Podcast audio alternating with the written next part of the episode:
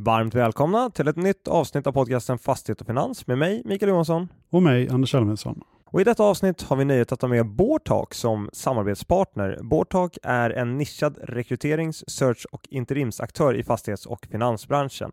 Kunderna består främst av rådgivare, ägare, institutioner, banker eller PE-aktörer. Bårtalk är starka inom alla roller som rör fastighets och finansbolag eller rena ekonomifunktioner.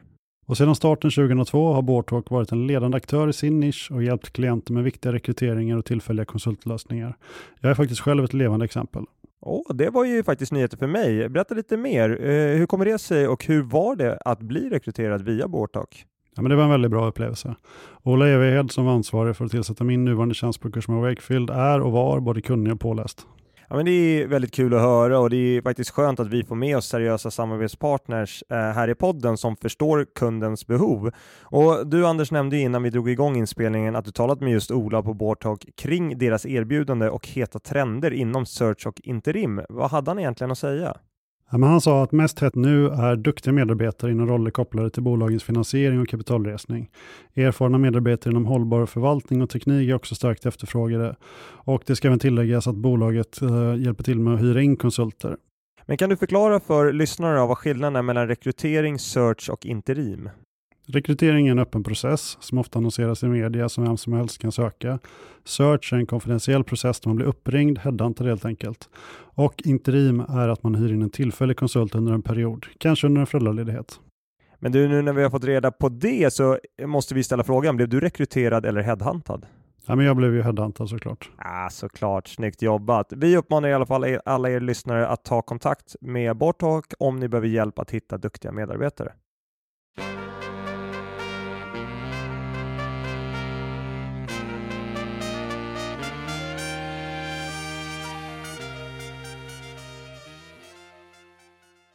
Idag när vi sitter här så är det den 12 juni. Klockan är 13.30. SBBs kurs är idag ner 11% till 4,83 och Anders Elvinsson är precis hemkommen från Italien. Och du från Spanien om jag förstod det rätt. Ja, det stämmer bra. Vi båda passade på att ta lite semester förra veckan. Det var ganska skönt faktiskt, eller hur? Ja, men exakt. Eh, och just när jag lyckas pricka in en semesterresa så brukar det landets valuta stå som starkast mot just seken. När jag var i USA i höstas så pikade dollarn på en bit över 11 spänn och, och nu när jag var i Italien så är väl euron upp närmare 12 va? Ja, men det kanske är ganska bra då för oss andra, för det betyder att den har pikat nu, så det betyder att svenska kronan kommer stärkas. Ja, det borde betyda det i alla fall. Baserat på historisk utveckling i alla fall. Vad hade du för i Italien då? Någonting skoj du kan dela med dig om?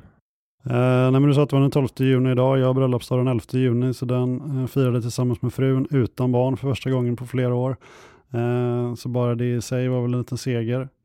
Och eh, ingen resa utan att man är ute och tittar lite på eh, saker och ting kopplat till, till fastigheter. Och vi var på jakt efter en så kallad Moonswatch som är ett samarbete mellan klockmärket Swatch och Omega där de har gjort eh, en variant på Speedmaster-modellen men med utgångspunkt i olika planeter då, som fått färgsätta de här klockorna. Så vi var först i en Swatch-butik inne i eh, centrala Milano och där fanns det ingenting. Det var fler som var på jakt efter just den här limiterade varianten. Så vi åkte ut till ett nybyggt område. Man kan säga att det är Milanos arenastad och eh, deras Mall of Scandinavia. Där finns även det här häftiga höghuset där det växer träd längs hela fasaden. Fräckt att se i verkligheten, men inte heller där fanns klockan.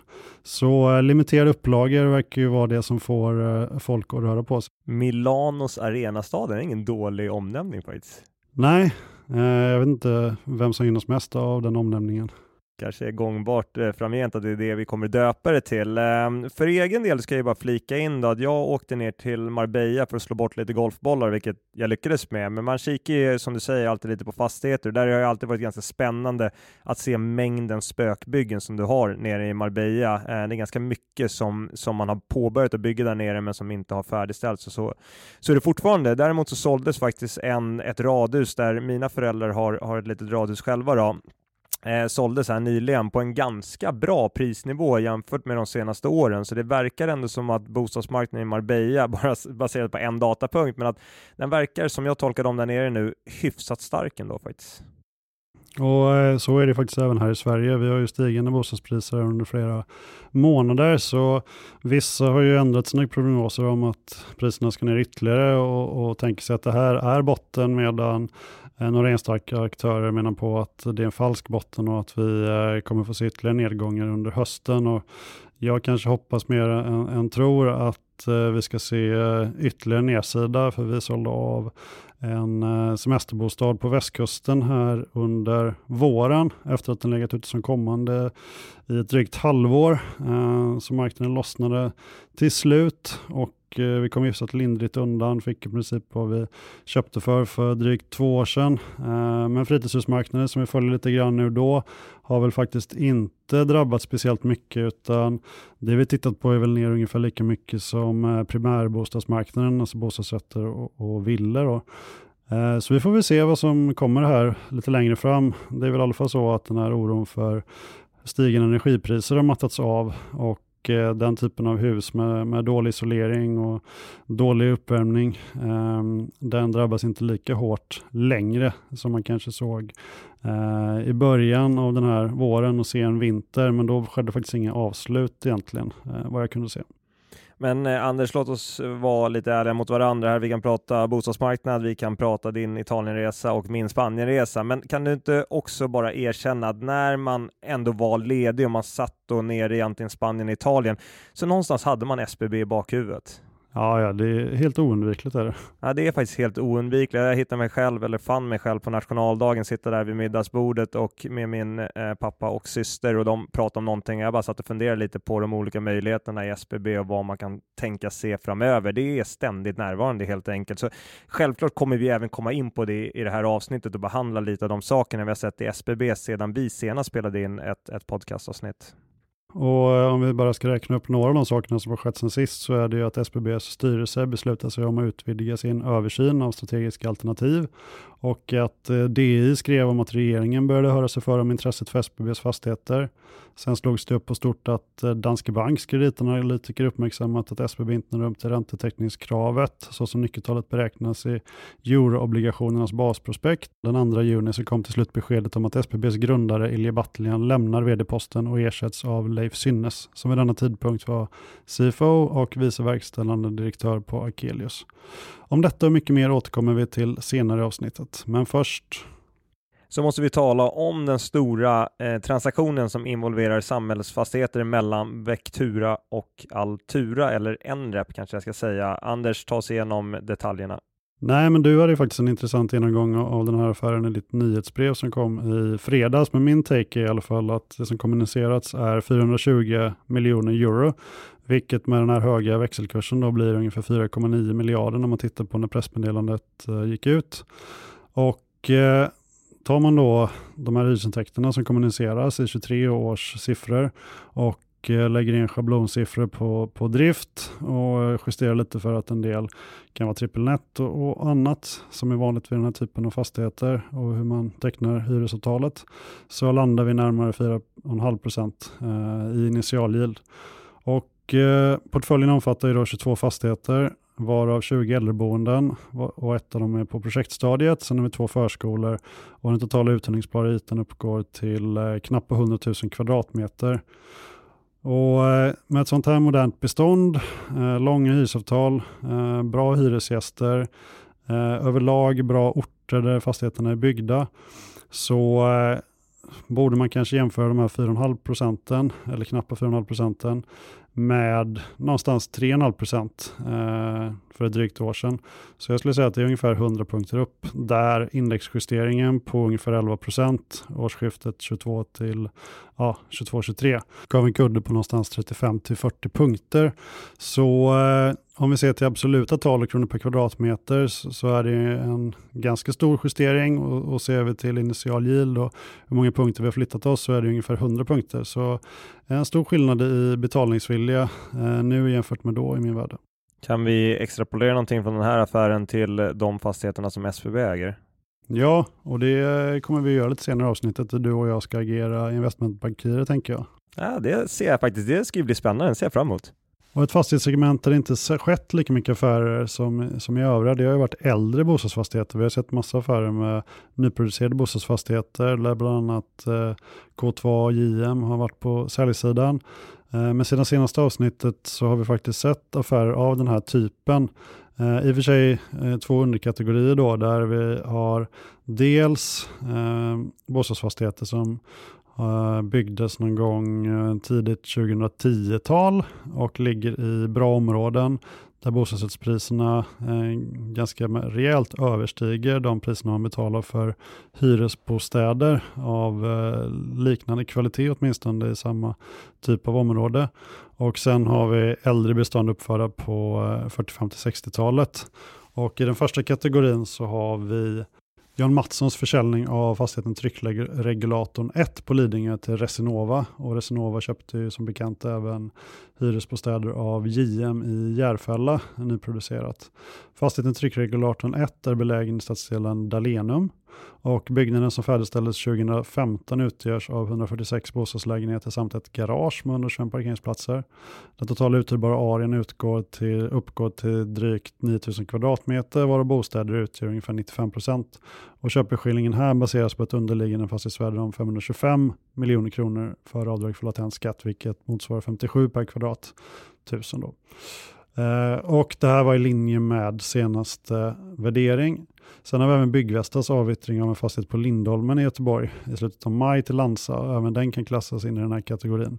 Så eh, även om jag inte kan dela med mig av, av, så mycket detaljer kring de här affärerna vad gäller direktavkastning så är det ett styrkebevis i marknaden och information som vi sitter på som vi kan använda i våra värderingar. Den andra kategorin, eh, där har vi då en försäljning som Heba stod för och där har de tecknat avtal med att överlåta tio fastigheter, ett samlat bestånd i Hökerängen i södra Stockholm. Och köpare här är Arbetare Bostadsfonden. Köpeskillingen 605 miljoner, vilket faktiskt var 8% under senaste kvartalsvärdering. Så där är det lite ovanligt att se att man kommunicerar Eh, ett underliggande fastighetsvärde som ligger så pass långt under värdering. Fastigheten i det här fallet omfattar 296 lägenheter om totalt dryga 17 000 kvadratmeter där eh, ungefär 1300 kvadratmeter är lokaler utöver bostäderna. Och så finns det även 82 parkeringsplatser. Och priset här motsvarar 32 700 kronor per kvadratmeter. Och Heba anger att målet eh, med det här är att förbättra intjäningsförmågan i och med att fastigheterna är uppförda på 1940-50-talen och är lågavkastande jämfört med det övriga beståndet med låg överskottsgrad. Och när jag summerade maj månads sensationsmarknad på LinkedIn, eh, den där ni såklart gärna får följa mig, så skrev jag att eh, maj månads sensationsmarknad var lite som måndag hela veckan. Det mesta som bytte ägare var bostadsfastigheter och logistik. Det är ju två segment eh, där det skett mest affärer under våren. Och eh, utöver de tidigare nämnda bostadsaffärerna så har vi även logistikaffärer i form av Blackrock som köpte en modern logistikfastighet i Skillingaryd i Vaggeryds kommun.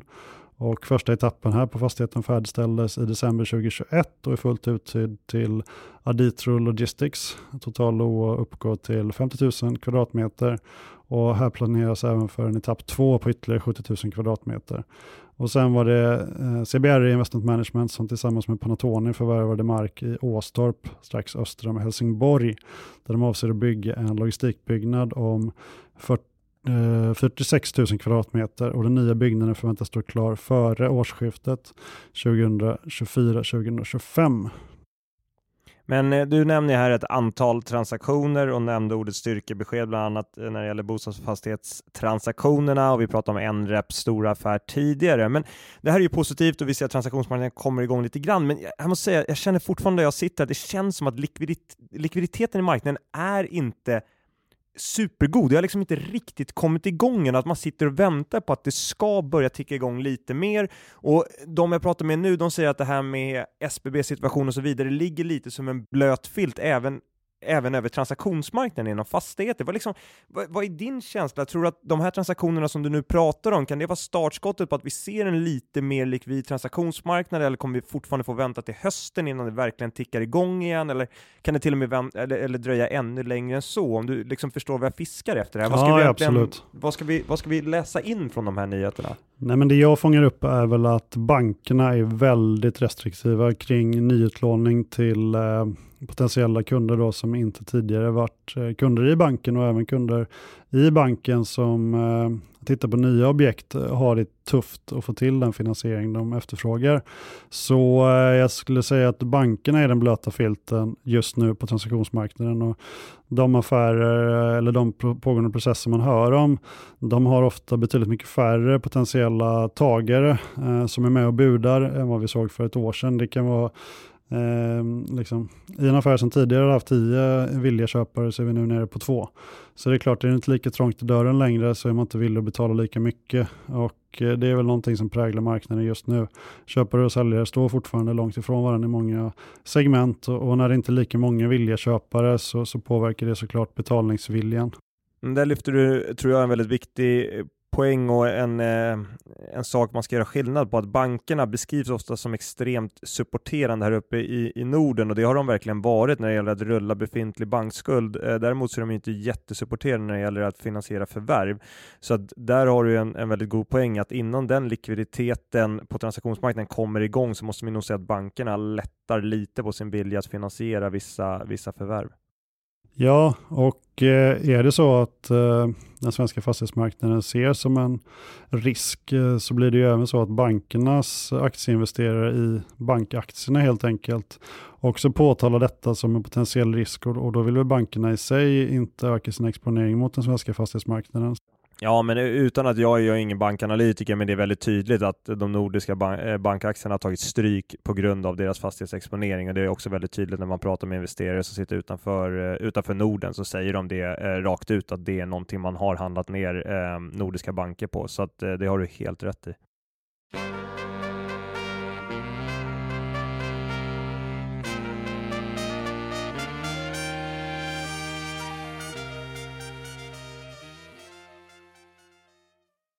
Fastighet och Finans är även denna vecka inspelat i samarbete med Fastighetsvärlden. I snart 40 år har Fastighetsvärlden genom konferenser, magasin, nyhetsbrev och hemsida levererat marknadsledande nyhetsbevakning av Sveriges bygg och fastighetsbransch.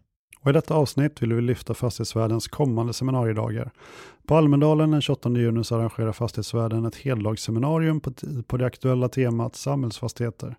Och den 6 september går Fastighetsdagen i Örebro av stapeln Sen den 14 september så anordnas seminariedagen Köpcentrum och butiker på Grand Hotel i Stockholm.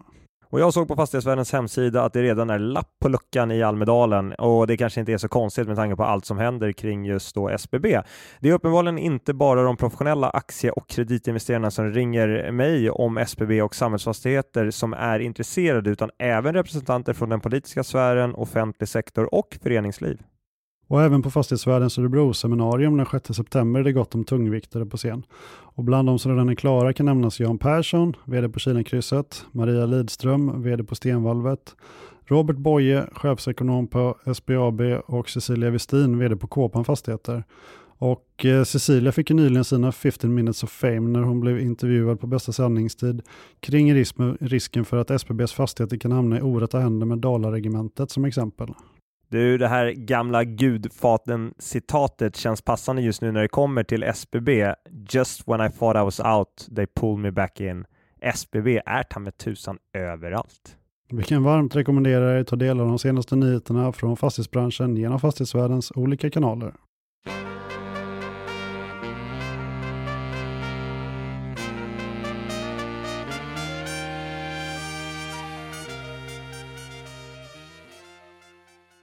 Och nu till det som åtminstone hälften av lyssnarna väntat på, SBB. Samma dag som vi publicerade senaste avsnittet så meddelades att SBBs styrelse beslutat att utvidga sin översyn av strategiska alternativ för att maximera värdet för bolagets aktieägare. Och eh, det stod så här då. Sådana alternativ kan inkludera en försäljning av bolaget, affärssegment eller specifika tillgångar, såväl som andra strategiska transaktioner. Och Mikael, vad tolkade du in i detta pressmeddelande och bolagets egna kommunikation? Ja, men det här kommer bli väldigt mycket spekulationer, för det är precis som du ställer i frågan Anders, det handlar om att försöka tolka bolagets egna kommunikation. Eh, det ordet som jag först tänker på är desperation till viss del faktiskt. Eh, jag tror att man försökte stoppa en negativ spiral. Man såg att aktien handlade ner ganska snabbt och ganska raskt. Eh, så man försökte helt enkelt kommunicera någonting som skulle kunna bryta och vända den negativa trenden. Så jag säger inte att det är fel att man gör en strategisk översyn och om styrelsen då lyckas bevisa eller ta fram att värdena är mycket större än det som aktiemarknaden prissätter så kommer ju det såklart vara positivt för utvecklingen av, eh, av aktien och bolagets långsiktiga möjlighet att överleva. Eh, jag tror så här, att man skriver med att ett alternativ är en försäljning av hela bolaget, det tror jag mer är en standardskrivning än någonting annat. Jag skulle bli väldigt förvånad om det kommer in en aktör som köper hela bolaget och som jag tror vi nämnde i förra avsnittet skulle det vara eh, antagligen då eh, beroende av att man gjorde vissa avsteg i obligationsvillkoren. Eh, och också om man tittar på det man kallar för enterprise value så är det en otrolig skillnad. Då. Alltså om man tittar på bolagets aktievärde idag så som börsen prissätter det och sätta det i andel av den totala kapitalstrukturen, så man tittar på det nominella värdet av bolagets skulder, då är den aktiedelen en väldigt liten andel av det totala värdet på hela bolaget som faktiskt en köpare får på sig, om man ska säga det, om eh, man skulle köpa hela bolaget. Så jag tror att det är mer en standardskrivning än ett troligt scenario. Någonting som sen fick eh, SBBs aktiekurs att rasa ner i källan var ju det faktum att Danske Banks kreditanalytiker uppmärksammat oss på att SBB inte når upp till räntetäckningskravet så som nyckeltalet beräknas i euroobligationernas basprospekt. Kan du översätta detta i begriplig svenska och ge oss en inblick i vad vi står just nu i denna frågan samt förklara varför villkoren i basprospektet för euroobligationerna inte blivit kända tidigare? Nej, men det, det, här är ju väldigt intressant. De har varit kända sedan tidigare, så det är ett enormt underbetyg till alla eh, analytiker, alla investerare egentligen som har tittat på SBB och som har investerat i eh, bolagets euroobligationer. Så vi får passa på att ge beröm till min kollega, ska jag kalla branschkollega Louis Landeman på Danske Bank som är eh, i min mening då, extremt kompetent på det han gör och han tillsammans med eh, kollegorna där eh, hittade då den här felskrivningen beskrivningen egentligen, för det är en otroligt dum formulering som gör att hela den här situationen uppdagas. Och jag ska försöka vara lite pedagogisk här och få med de viktiga eh, detaljerna och så får du Anders stoppa mig om jag inte är pedagogisk. Men anledningen till att jag säger att det är en väldigt dum formulering är så att när man skriver ett obligationsvillkor så har man ofta med då kovenanter som bolaget ska efterleva.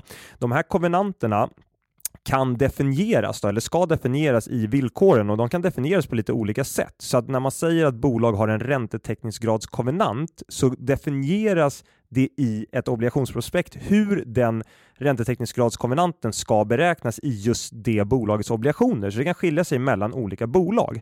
Och här har alltså SBB lyckats få med att deras räntetäckningsgrad ska beräknas som eh, ja, det ska beräknas enligt en linje i resultaträkningen som heter Profit before financial items. Och det som det är det dumma i SBBs fall, det är att den raden inkluderar resultat från bolagets intressebolag. Och i sin tur så drivs det resultatet i intressebolagen av till stor del då, värdeförändringar i deras fastighetsbestånd. Så det här gör alltså att SBBs räntetäckningsgradskovenant, som egentligen ska vara ett kreditnyckeltal som tittar på möjligheten för bolaget att betala sina räntor, den drivs i SBBs fall av en non-cash eh, sak, alltså en icke kassaflödesdrivande faktor, vilken en värdeförändring i ett intressebolag är när det gäller deras fastighetsbestånd. Så det är i min mening då bara väldigt dumt formulerat som gör att SBB överhuvudtaget hamnar i den här situationen. Normalt så kommer en räntetäckningsgradskovenant i ett fastighetsbolag i princip bara driftöverskottet från fastigheterna man äger minus central administration och det sätter man mot, ränte, eh, mot räntekostnaderna. Eh, anledningen ska jag också lägga till en väldigt viktig sak, för det kommer säkert vara lite märkligt för er som som eh, följer med på det här från sidan och kanske inte är 100% insatta i exakt vad som händer. För att det är nämligen så att där vi står idag så vet vi inte om den här konvenanten är bruten eller inte. Och då kan man tycka så här, hur kan inte det vara självklart? Det är väl bara att kolla på obligationsvillkoren och säga, jo men den är bruten eller inte eh, baserat på en beräkning. Men det här är lite, eh, vad ska vi säga, ny mark för oss. Därför att det SBB gjorde var att man upptäckte detta själva ungefär två, tre dagar innan Danske Bank gick ut med det de gjorde. Eh, så då upptäckte man det och valde helt enkelt att dra tillbaka sin Q1-rapport och publicera en ny Q1-rapport. Och i den nya Q1-rapporten så har man tagit bort det här, eh, den här raden som heter Profit before financial items och visar helt enkelt sin resultaträkning på ett nytt sätt. Så det gör att i den nya Q1-rapporten då bryter man inte kombinanten Medan i den gamla rapporten så som den publicerades, där bryter man konvenanten. Och då är en fråga, vilken av de här rapporterna ska man använda för att göra beräkningen? Och det har inte riktigt testats eh, tidigare, så, så vitt jag vet i alla fall. Så det är därför man är lite osäker på exakt vad det här betyder. Det är faktiskt också det som jag såg att Landeman sa när han var med i DTV. Han sa att vi hävdar inte att SBB har brutit konvenanten. Vi ställer frågan om de har gjort det eller inte.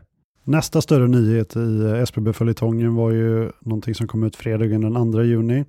Och det var ju beskedet om att SBBs grundare Ilja Batljan till slut lämnar vd-posten och ersätts av Leif Synnes som vid denna tidpunkt var CFO och vice verkställande direktör på Akelius Residential Property.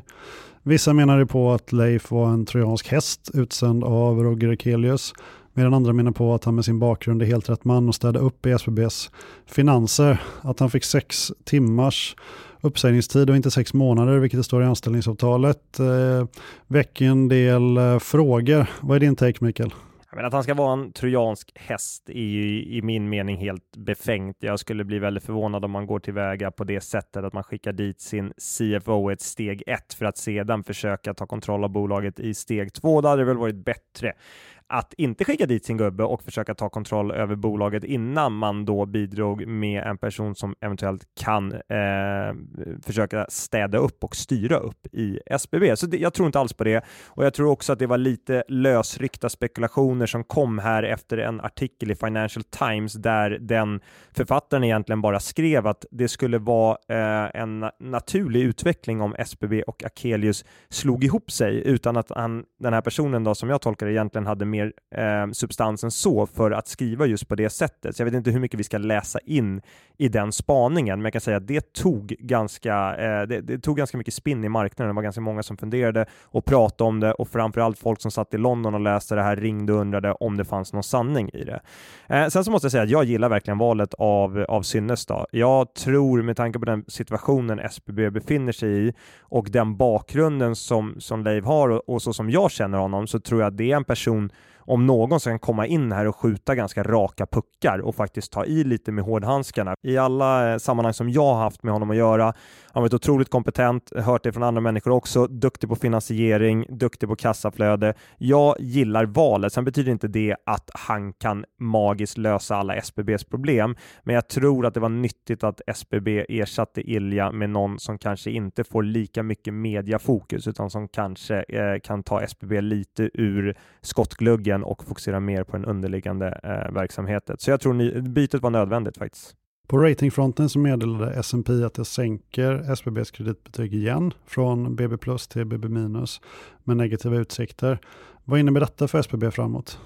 Det innebär i längden sämre tillgång till kapital och dyrare finansiering och det här är självklart något som bankerna tar med i sin riskbedömning. För vi ska ju komma ihåg att en kreditspread i um, slutet av dagen trots allt är ett mått på risken och även om bankerna själva tar panter i enskilda fastigheter och tittar på kassaflödena i dessa SPV så är det klart att man har med i sin helhetsbedömning vad kreditbetyget på bolaget är och hur sannolikt det är för bolaget att hitta alternativa finansieringskällor om det skulle behövas. Så det här är negativt för SBB i långa loppet och det är en, en negativ trend nu på deras ratingbetyg som de kommer behöva bryta. Eh, men som jag även sa i förra avsnittet så är inte det är så att det är obligationsmarknaden och dess kapital som kommer vara det som löser SBBs problematik framöver. Den dörren, jag ska inte säga är stängd, men den prissätts idag på ett sätt som inte är attraktivt eller hållbart för SBB, så de måste oavsett hitta alternativ och det gör att nedgraderingen inte är lika kännbar som om planen var att refinansiera all sin skuld i obligationsmarknaden. Det har även stått en hel del om att Illy avyttrat aktier i bolag som eh, Castellum och H&M och flera storbanker. Och sen kom nyheten ut om att han sålt eh, SBB-aktier privat för närmare 200 miljoner till ett av sina holdingbolag i vilket kupongen till hybridobligationsägarna ställs in. Och eh, antingen skulle detta då kunna vara en ren affär eller ett aktieägartillskott och enligt en källa till DI så skulle ett aktieägartillskott rimligen falla under EUs marknadsmissbruksregelverk MAR och Eh, därför kräver ett pressmeddelande från IB Invest eh, på grund av dess marknadsnoterade obligation. Något som inte nödvändigtvis gäller om det istället varit fråga om regelrätt köp av aktier.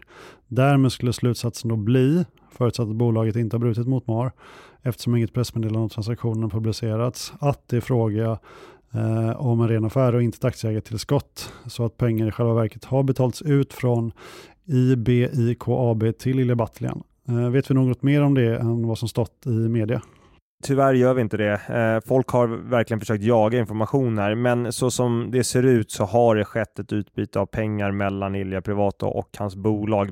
Som vi sa tidigare, man respekterar ju en fighter eldsjäl som Ilja, men det har ju tidigare stått när aktiekursen för SBB var högre än vad den var idag, att eh, det egna kapitalet i hans holdingbolag var negativt i princip. Är det game over för Ilja? Tyvärr pekar ju väldigt mycket åt det hållet. Eh, vi ska inte låta klockan ringa allt för tidigt. Det finns lite kvar att försöka göra och lite att arbeta med, men det är ju väldigt mycket tyvärr som talar för att det här är en situation som inte kommer gå att lösa. Som utlovat så ska du nu få chansen att eh, leka investmentbankier Mikael eh, och jag också då såklart. Det var ju SEB och JP Morgan som blev utsedda att göra den här strategiska översynen och och eh, inte fastighet och finans. Men eh, vi kan ju bjussa på våra råd eh, gratis här i syfte att få SBB att vända skutan. Så låt oss nu gå igenom samtliga alternativ som varit på tapeten senaste tiden och om jag har glömt något så får du nog lägga till det. Och det första här är en nyemission som SBB varit ganska tydliga med, även den nya vdn, om att det inte är aktuellt. Men Nordea har bland annat sagt att det bör vara en möjlighet framåt för att komma på, på rätt sida det här eh, har ju mest troligen blockats av Vilja själv eftersom han inte har kunnat försvara sin position, eh, i alla fall så som det ser ut från utsidan. Så det här är ju någonting som borde ha skett, absolut. Alla Castellum, man borde ha gjort en rejäl nyemission redan förra hösten eller tidigt i år för att eh, inte hamna i den situationen man nu befinner sig i. Däremot så som du säger, eh, Anders, har ju bolaget själva varit tydliga med att eh, det här inte är ett alternativ. Så jag tror verkligen att så som de har kommunicerat är det sista utvägen att göra en nyemission emission på de här nivåerna, men det är någonting som borde ha skett långt tidigare. Idag så kan man ju diskutera, givet där aktien står, om det är rätt väg eller inte. Det beror lite på vilken nivå de kan avyttra tillgångar eh, på. Sen har vi den möjliga fusionen med Akelius Residential Property som du var tidig med att döma ut. Det är många som har nämnt att eh, när det kommer till ett rent övertagande eller samgående med SBB Eh, så kan det vara lite problematiskt för SBB kan vara fyllt av hemliga avtal och svårbegripliga transaktionsupplägg. Leif eh, Synnes fick också frågan om detta och svarade då att det är vanligt att man har särskilda villkor när man gör transaktioner med fastigheter. Köpare och säljare har ibland olika behov som man försöker lösa inom avtal och ibland är det hemligt mellan parterna hur det här ser ut. Och eh, mitt mål då, som säger Leif, är att vara transparent kring detta i största möjliga mån. Men Mikael, eh, jag hör ju och säkert du också eh, från både aktie och kreditinvesterare att de är oroliga för snåriga upplägg och hemliga avtal i SBB. Det är mest tycker jag att det skojas lite om att DD-processen vid ett eventuellt köp av alla de här eh, snåriga uppläggen skulle vara extremt krävande, så jag tror absolut att det är en del av det. Men jag skulle säga att det som håller eh, folk tillbaka mer än snåriga upplägg, det är skuldbördan. Just det här jag pratade om tidigare, eh, vad själva enterprise value är som du som köpare får betala i SBB. Jag skulle säga att det är det som är den största problematiken som talar emot både ett samgående av, av SBB och Akelius, men även att andra aktörer lägger ett bud eh, snarare än de här transaktionsuppläggen som man nog ändå skulle kunna lära sig på något sätt att leva med. Ytterligare ett alternativ skulle ju vara att obligationsägarna konverterar obligationsinnehav till stamaktier. Hur ser du på det nu? Jag skulle säga att det är ganska osannolikt att de seniora icke säkerställda obligationsägarna väljer att gå med på det. Jag tror hellre att de kastar tärningarna och hoppas på att deras recovery är tillräckligt bra vid en likvidering av bolaget, alltså att bolagets tillgångar är tillräckligt för att täcka bankskulden och eh, obligationerna. Däremot så kan det mycket väl bli aktuellt för hybridobligationsägarna att man konverteras i alla fall till viss del och det säger väl lite om den kursen som hybridobligationer handlar till idag, att det skulle kunna vara ett potentiellt alternativ. Och, eh, din utläggning där och, tidigare det om att man skulle ställa ut ett erbjudande till obligationsägarna om att köpa tillbaka obligationerna på eh, en viss procent av nominellt värde. Ehm, hur eh, ser det ut idag, den möjligheten? Nej, men den möjligheten är väl fortsatt i samma läge att eh, det gäller ju främst då hybridobligationerna som, som jag fiskade efter då och det är väl eh, samma som tidigare att dels blir det problem att få fram likviditeten för ett sådant erbjudande i, i första hand och i andra hand så blir det också en fråga om att eh, ha respekt för prioritetsordningen, alltså att seniora, eh, seniora icke-säkrade obligationsägare ligger före eh, hybridobligationsägarna i ett vattenfall, så får man loss likviditet så argumenterar nog de ehm, ägarna, obligationsägarna, för att man borde prioritera eh, seniora icke-säkrade obligationer först och främst innan man köper tillbaks alla utestående hybridobligationer. Sen har det diskuterats om att eh, den bästa lösningen skulle vara att dela SBB i tre delar en med samhällsfastigheter, en med bostäder och en med byggrätter. Menar man då att man ska sälja av det här i tre delar till tre olika köpare eller handlar det om att särnotera de här bolagen och skapa en bättre kapitalstruktur eller vad är det man menar egentligen? Det man menar tror jag är att sälja delarna var för sig eh, snarare än att eh, det handlar om att man ska särnotera någonting som har varit lite SPBs grej här tidigare. Först då med Niobo och sen så pratar man även om det i Svea Fastigheter. Men här tolkar det som att det handlar om att sälja eh, verksamhetsbenen var för sig jag gillar den här idén. Eh, jag såg att Svenska Dagbladet hade en utläggning om det. Jag tror att det här är mycket mer sannolikt än att vi ser ett bud på hela bolaget, alltså att man tar eh, exempelvis bostadsfastigheterna och lägger i en eh, portfölj som man sedan säljer ut hela den portföljen då, eller att man gör detsamma med byggrätterna, alternativt att man gör det med antingen eh, hela sitt bestånd inom samhällsfastigheter eller att man även delar upp samhällsfastighetsportföljen eh, i olika delsegment och säljer av till enskilda aktörer. Så jag tror att det här är det mest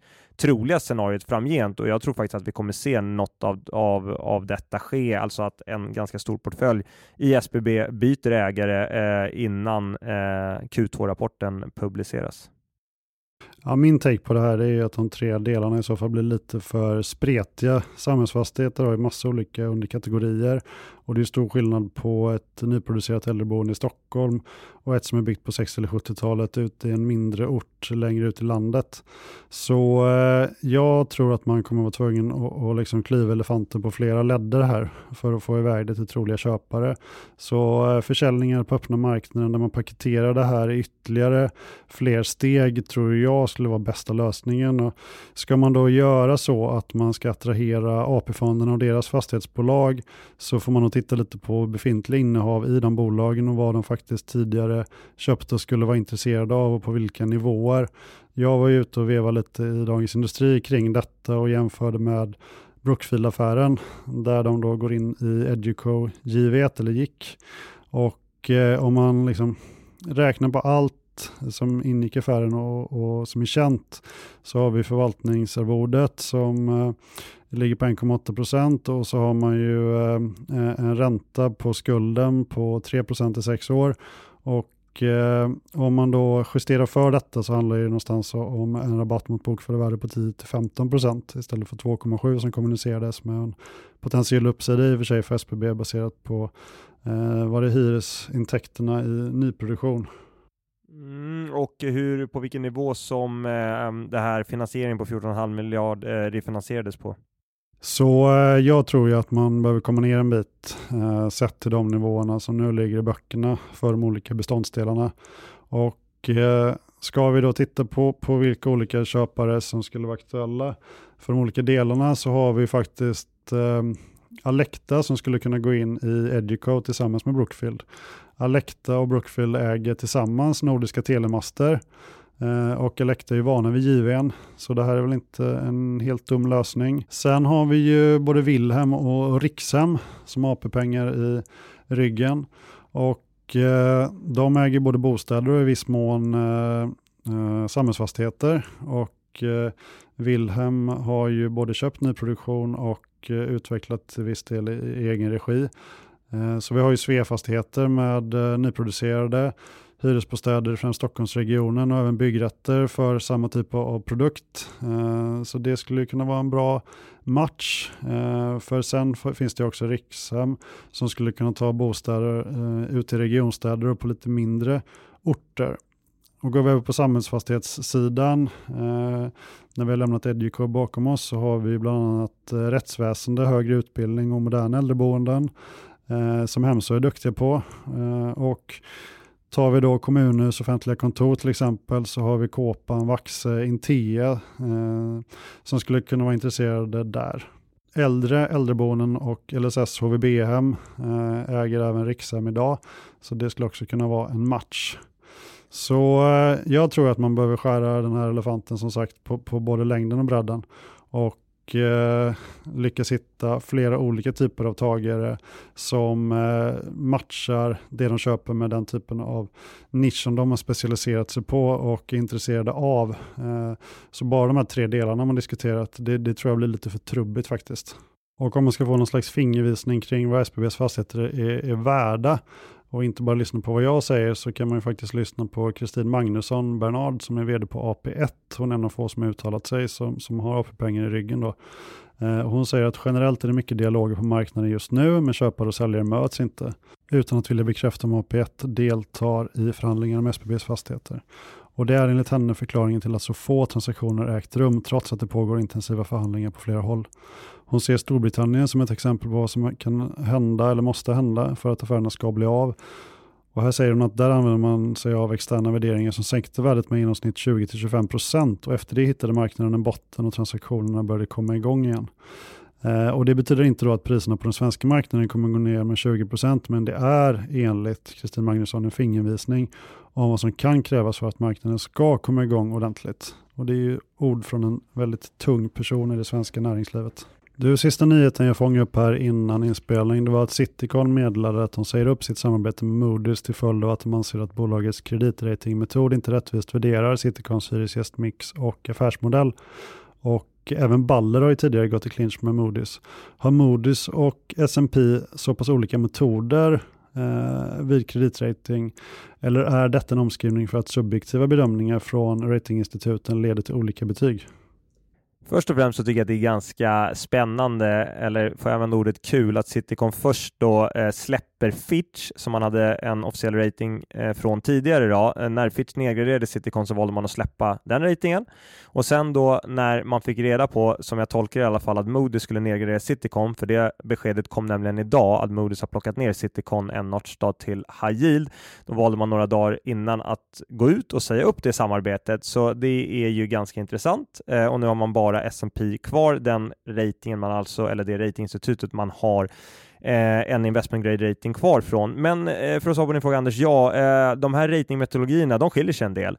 Eh, normalt så brukar det bara skilja en notch, eh, alltså ett hack i den här kreditskalan när de olika instituten sätter ett ratingbetyg på samma bolag. Så det brukar inte vara så att det i slutändan skiljer jättemycket. Men generellt sett är det väl så att det är allmänt känt att Moody's är lite tuffare på fastighetsbolagen och fastighetssektorn här i Europa än vad S&P är. Och det tycker jag vi har sett också i vissa bolag eh, i den svenska fastighetssektorn och hur S&P har agerat, kanske bäst exemplifierat med, eh, med SBB, men man var också ganska tidiga på att uppgradera Heimstaden Bostad till investment grade i ett stadie där man kanske kunde ifrågasätta om bolaget verkligen var moget nog att få den kreditratingen. Då. Så att eh, Moody's har varit lite tuffare, lite hårdare. Sen så kan man aldrig egentligen prata i termer av rätt eller fel, för du nämnde också ordet subjektiv bedömning.